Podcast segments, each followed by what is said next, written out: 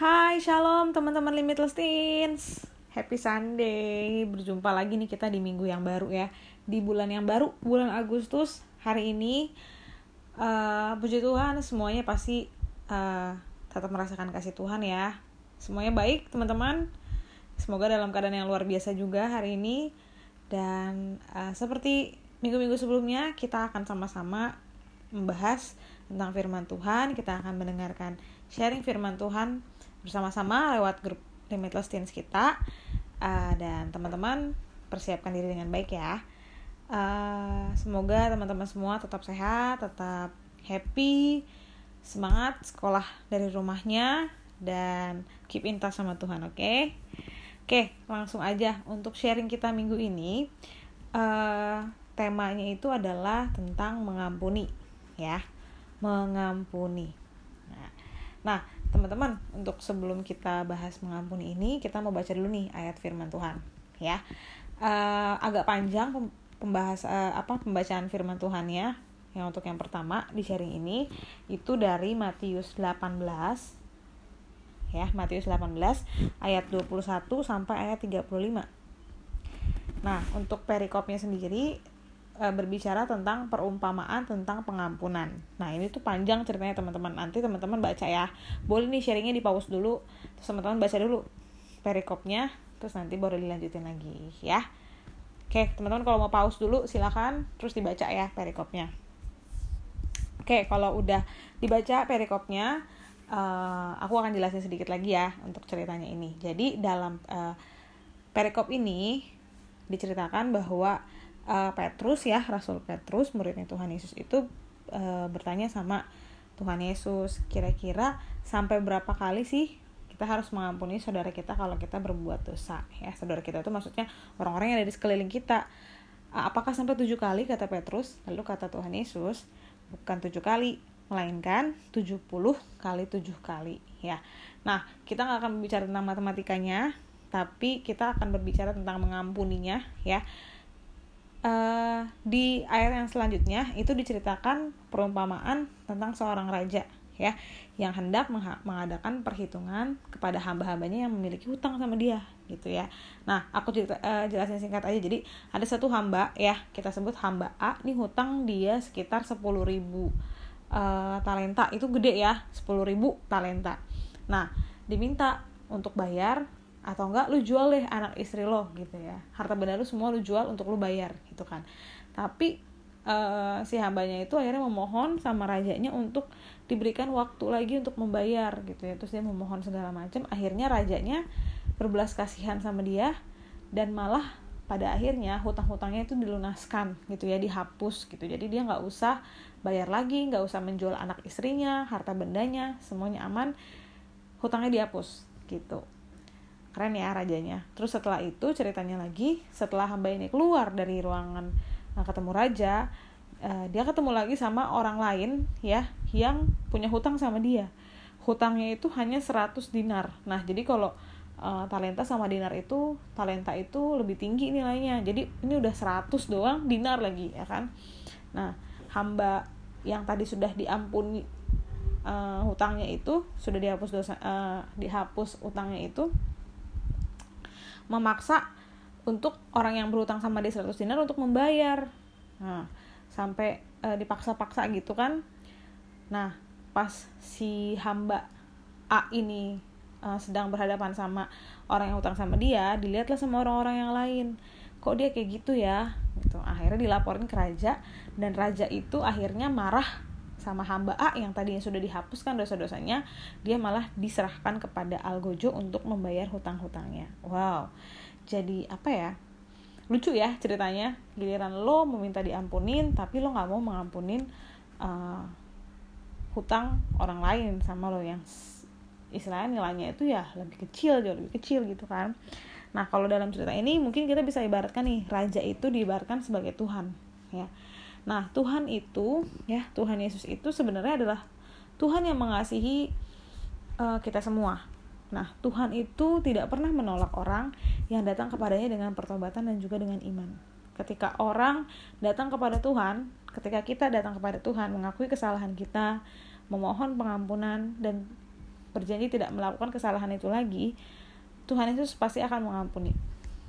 Nah pertanyaannya sekarang gimana dengan kita nah kalau misalnya ada orang yang bersalah sama kita kita ampunin nggak? Nah sebenarnya mengampuni itu apa namanya e, bentuk kecilnya turunnya itu memaafkan ya. Kadang kita udah paling apa namanya paling familiar dengan kata memaafkan ya. Pernah nggak teman-teman ada teman lain yang melakukan kesalahan terus dia minta maaf dan teman ma teman-teman memaafkan? Ada lah ya pasti. Nah ada juga nggak satu hal kesalahan teman teman kalian yang belum bisa kalian maafkan. Nah terus ada lagi nih statement misalnya udah kak aku sudah melupakan kesalahannya dia. Gitu ya aku sudah melupakan kesalahan ini. Nah sebenarnya mengampuni atau memaafkan itu nggak sama loh dengan melupakan.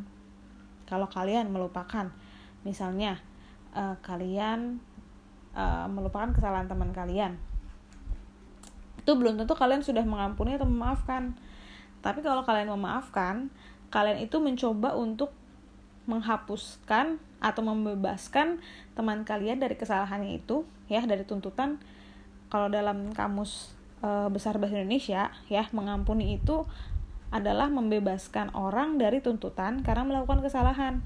Jadi kalau kalian cuma melupakan tapi kalian masih belum memaafkan, ya itu beda. Tapi kalau kalian memaafkan, nanti ujung-ujungnya kalian tuh bukan cuma lupa. Kalau lupa tuh kayak orang amnesia ya, lumpuhkanlah ingatanku gitu kan. Nggak kayak gitu prosesnya. Tapi kalian itu mungkin masih akan inget gitu akan kesalahan teman-teman kalian. Tapi kalian mencoba untuk tidak mengingatnya lagi atau mengungkit-ungkitnya lagi gitu. Jadi kalau misalnya teman-teman bilang aku sudah melupakan. Nah pertanyaannya apakah nanti kesalahan itu akan muncul lagi dan memunculkan uh, apa ya emosi kalian lagi? Nah kalau misalnya seperti itu mungkin teman-teman harus mencoba lagi untuk memaafkan. Nggak cuman melupakan. Karena ketika kalian memaafkan atau mengampuni uh, prosesnya akan berbeda. Bukannya teman-teman melupakan benar-benar kayak lupa amnesia gitu kan. Nggak bakal bisa kita sebagai manusia gitu. Kayak contohnya misalnya kalian luka deh. Misalnya pernah nggak luka jatuh dari sepeda gitu ya atau nggak waktu kecil itu suka main lari-larian terus luka gitu ya. Aku banyak nih luka di dengkul. Pernah luka di dengkul dan ada bekas lukanya gitu loh. Nah sama kayak kesalahan orang. Kalau misalnya dia melakukan kesalahan sama kita apalagi kesalahan yang besar nggak bisa tuh kita main lupain aja gitu. Tapi kita harus mengampuni kita tetap akan ingat gitu kayak luka. Lukanya akan ada bekasnya gitu tapi mencoba untuk uh, ya udah menerima gitu.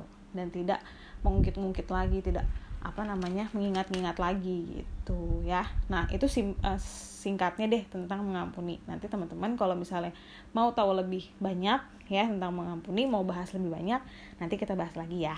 Pas kita ketemu lah nanti di teens pas udah mulai offline ibadahnya.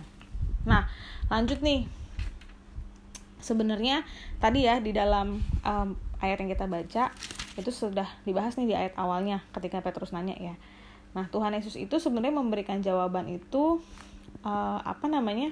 tujuh itu kan kalau istilahnya itu kesempurnaan ya. Kesempurnaan 70 kali 7, kesempurnaan dikali kesempurnaan ya. Nah, berarti uh, apa ya?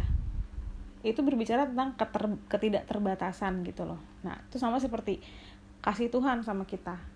Tidak terbatas, kita nggak bisa ukur, banyak banget gitu ya. Kita nggak usah hitung 70 kali 7 berarti 490 yang nggak usah dihitung karena bukan seperti itu kalau hitung-hitungan uh, hitungan Tuhan beda ya kan? Jadi kesempurnaan dikali kesempurnaan 70 dikali 7 kali itu berbicara tentang ketidakterbatasan uh, jumlah kita harus bisa memaafkan orang lain seperti itu. Nah coba nih kita mau baca dulu baca lagi di Matius 6 ya Matius 6 eh, ayat yang ke 14 sampai ke 15 ya. Nih, Matius 6 ayat ke-14 dan ayat ke-15 aku bacain ya. Karena jikalau kamu mengampuni kesalahan orang, Bapamu yang di surga akan mengampuni kamu juga. Tetapi jikalau kamu tidak mengampuni orang, Bapamu juga tidak akan mengampuni kesalahan kamu, kesalahanmu. Wow, ini sebuah ayat yang menurut aku keras ya kenapa karena di sini dibilang kalau kamu mengampuni kesalahan orang, Bapak akan mengampuni kamu. Tapi kalau kamu nggak mengampuni, Bapak juga tidak akan mengampuni kesalahan kamu. Kenapa? Nah, kita mau baca ke atasnya nih, di ayat yang ke-12. Coba, ini tuh ayat yang ke-12 ini satu bagian dengan doa Bapak kami. Nah, di ayat yang ke-12 gini, uh, ini berarti kalau teman-teman suka doa menggunakan doa Bapak kami, kalian pasti menyebutkannya ya. Uh, ayat 12 gini ngomongnya dan ampunilah kami akan kesalahan kami, seperti kami juga mengampuni orang yang bersalah kepada kami. Jadi ampunilah kami akan kesalahan kami, seperti kami juga mengampuni orang yang bersalah kepada kami. Berarti apa yang harus kita lakukan dulu? Mengampuni orang yang bersalah kepada kita, kita juga baru bisa meminta Tuhan untuk mengampuni kita. Nah, berarti apa yang harus kita lakukan dulu? Mengampuni orang lain. Masa kita minta ampun sama Tuhan tapi nggak mau mengampuni? Contoh nih contoh cerita lucunya waktu kecil misalnya. Uh, misalnya kita punya kakak atau adik ya uh, teman-teman. Terus misalnya uh, kita berantem nih sama kakak kita atau sama adik kita berantem uh, ngerebutin mainan gitu ya. Berantem ngerebutin mainan akhirnya tuh mainan rusak hancur gitu ya. Main banting-bantingan mainan. Wih parah banget ya. Uh, terus misalnya uh, jadi berantakan karena kita berantem gitu kan. Nggak, pas kita berantem setelah itu datanglah orang tua kita ngelihat uh, rumah berantakan kita lagi nangis nangisan gitu kan. Terus udah gitu uh, ada apa ini? Gitu misalnya orang tua kita ngomong gitu ya. Ada apa nih? Vita kenapa? Pada nangis nangisan gitu ya. Terus uh, iya ma maafin aku ya ma aku sudah berantakin rumah gitu misalnya gitu. Nah apa yang kira-kira akan dilakukan sama orang tua kamu? Kalau aku sih waktu kecil pasti mama aku bilang gini bayan dulu kamu sama kakak kamu terus sama adik kamu gitu. Bayan dulu bayan dulu gitu ya. Nah susah deh tuh bayan bayannya kan tak apa malu-malu atau enggak gengsi-gengsian. Nah setelah kita udah baikan baru tuh biasanya mama kita juga mau baik baikan juga sama kita kayak gitu. Jadi uh, kalau kita bisa ibaratkan itu ya seperti kita sama Tuhan juga gitu. Kalau misalnya kita minta ampun sama Tuhan minta maaf tapi kita juga belum minta maaf atau belum mengampuni uh, saudara kita atau orang-orang yang ada di sekeliling kita yang melakukan kesalahan kayak itu jadi lucu gitu loh. Jadi kocak ya karena ukuran yang digunakan untuk mengampuni orang lain juga adalah kita minta ampun sama Tuhan seperti kita juga mengampuni orang yang bersalah kepada kita. Gitu teman-teman. Susah gak sih mengampuni memaafkan? Jelas. Aku jujur punya banyak pengalaman memaafkan orang sampai sekarang juga masih ada sih ya yang sedang berproses.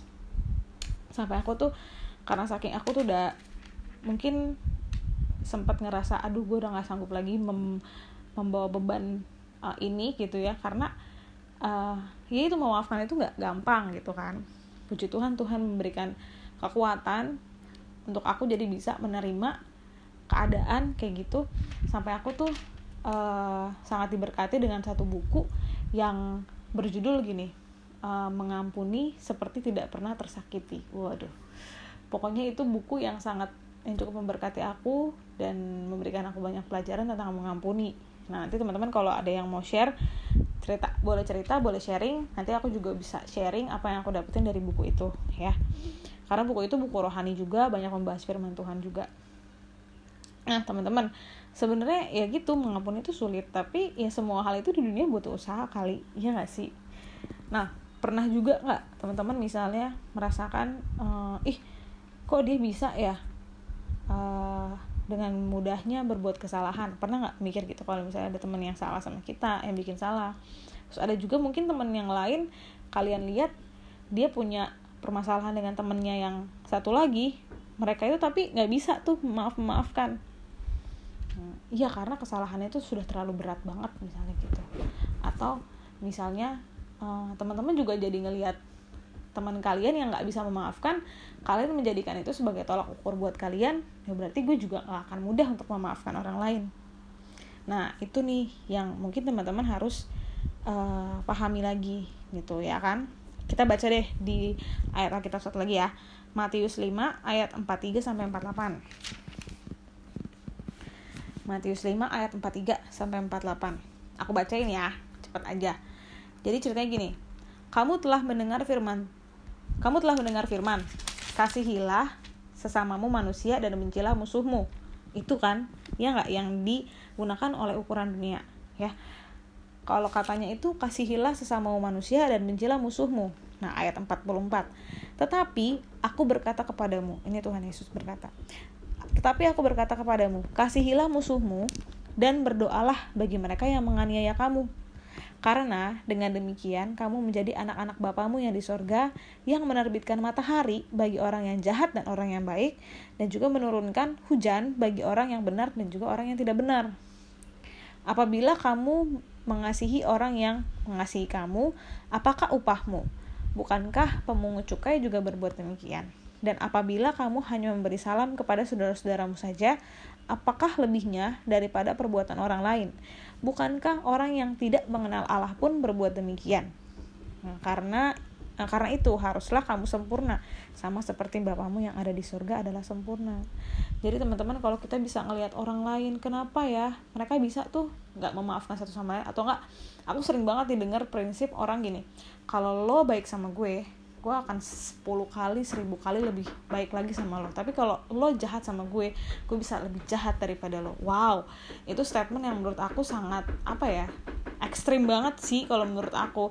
Ya mungkin uh, dulu kita juga bisa uh, berpikiran yang sama gitu. Tapi coba setelah kalian mendengar firman Tuhan kita itu tidak sama dengan dunia gitu. Kita jangan mau sama dengan dunia. Dan dari ayat yang tadi aku baca ya Matius 5 ayat 43 sampai 48 kalau kita melakukan hal yang sama apa bedanya kita dengan orang yang tidak mengenal Tuhan? Gitu loh. Kalau kita menggunakan tolak ukur yang ada di dunia untuk memaafkan oh kalau misalnya dia melakukan kesalahan yang besar gue nggak mau memaafkan. Tapi kalau dia kesalahannya kecil-kecil aja gue mau memaafkan ya itu sebenarnya balik lagi ke kita. Sebenarnya jadi kalau mengampuni memaafkan itu selain kita membebaskan orang lain dari kesalahannya dia dia uh, kita juga membebaskan diri kita dari uh, apa ya dari beban yang uh, selalu mengikuti kita karena kesalahan orang lain itu. Gitu. Jadi sebenarnya mengampuni itu bukan cuman kita uh, memberikan keuntungan pada orang lain tapi juga untuk diri kita. Nanti kita bahas lagi lebih dalam lagi kalau misalnya pas ketemu di teens deh ya tentang mengampuni ini. Jadi teman-teman uh, kesimpulannya adalah seperti ini. Jadi kalau misalnya kita itu kan setiap berdoa terus kita itu adalah manusia yang tidak sempurna ya. Jadi setiap kita berdoa kita doa Bapa kami kita selalu minta pengampunan dari Tuhan.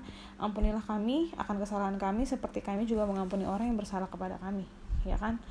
Terus ya kita minta ampun sama Tuhan itu bisa setiap waktu bener nggak? Karena kita kesalahan kita itu banyak gitu. Ya sama halnya dengan kesalahan orang lain yang harus kita ampuni juga gitu ya. Itu banyak. Uh, tadi kata Tuhan ampunilah 70 kali 7 kali. Itu berbicara tentang keterbatasan gitu kan? Jadi kalau memang teman-teman merasa bahwa uh, teman-teman itu juga punya kesalahan yang dilakukan. Ya balik lagi gitu. Teman-teman kalian saudara-saudara kita di mana pun mereka berada yang pernah melakukan kesalahan kepada kita juga mereka tuh adalah manusia. Kayak gitu. Mereka juga berhak untuk menerima pengampunan. Gitu. Nah oke. Okay. terus ada satu ayat lagi nih yang kita akan baca di Yakobus 2 ayat 13 ya Yakobus 2 ayat 13 aku baca nih sebab penghakiman yang tidak berbelas kasihan akan berlaku atas orang yang tidak berbelas kasihan tetapi belas kasihan akan menang atas penghakiman. Nah, jadi kalau misalnya kita uh, mengharapkan belas kasihan, terlebih dahulu kita juga harus memperlakukan belas kasihan itu dalam kehidupan kita. Gitu. Karena belas kasihan itu akan menang atas penghakiman. Seperti itu, teman-teman. Oke. Uh, sekian aja sharing firman Tuhan ya buat minggu ini. Jadi teman-teman mengampuni itu sebenarnya tidak mudah. Jelas aku juga mengalami dan pasti teman-teman semua juga mengalami gitu. Dan banyak juga ternyata kesalahan orang lain yang kita itu kadang lupakan. Tapi belum kita maafkan teman-teman. Itu hal yang berbeda ya. Jadi teman-teman mungkin boleh mencoba nih. Nah, sekarang uh, apa namanya ya? Tidak melupakan tapi memaafkan gitu. Bukannya uh, apa namanya amnesia mengamnesiakan semua kesalahan dari orang lain ataupun mungkin ya udah ditumpuk-tumpuk aja. Karena kalau melupakan itu bisa ditumpuk-tumpuk terus sampai nanti satu kali kalau udah uh, penuh kalian meledak gitu kan. Jangan sampai seperti itu. Gitu. Jadi uh, ya kalau misalnya teman-teman uh, teman-teman kalian ada yang melakukan kesalahan teman-teman coba yuk mengampuni mereka mencoba untuk memahami apa sih sebenarnya yang menjadi dasar mereka itu melakukan kesalahan tersebut gitu ya. Dan kalau memang teman kalian itu minta maaf dimaafkan gitu. Oke teman-teman sekian itu aja sharing kita buat minggu ini. Tuhan Yesus memberkati semuanya. Jangan lupa berdoa ya. Dadah God bless you